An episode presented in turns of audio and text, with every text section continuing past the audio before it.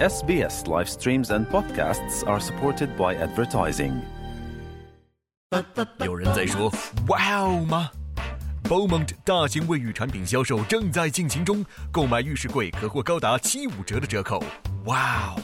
购买洗手池、浴缸、马桶及更多卫浴产品均可享有折扣优惠。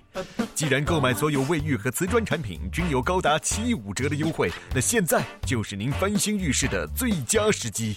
哇哦！您会为选择澳大利亚排名首位的 Bowman Tiles 而感到欣喜。SBS 电台推出全新普通话播客《解读澳洲 Australia Explained》。在这里，你可以轻松欢快地了解有关澳洲的有趣知识。各位好，我是 SBS 记者丽华。本期 SBS 新闻快报带您快速了解新州安全驾驶扣分消除计划。新州正在快速推进一项重大计划，奖励司机在道路上的安全驾驶行为，并拨款数百万澳元用于这一试行计划。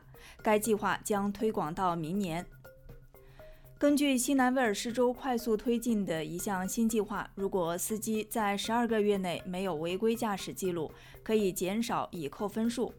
该举措旨在奖励新州安全驾驶的司机，这是新州工党的选举承诺。当时，工党承诺将为这一新计划提供五百六十万澳元的支持。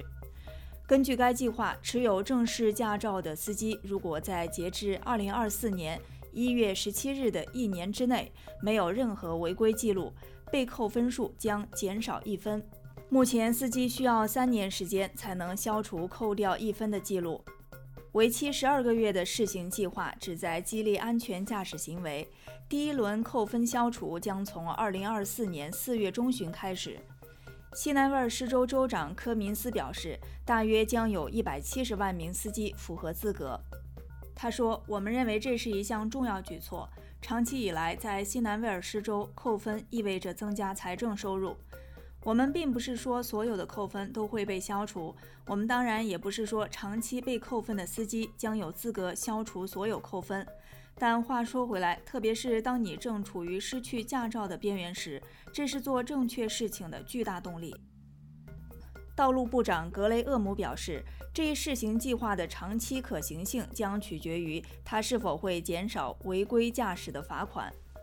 他说：“我们将关注这一计划的运行情况，不过这是对社区的一次强烈呼吁，那就是让我们安全驾驶吧。”他说：“现在是尝试新东西的好时候。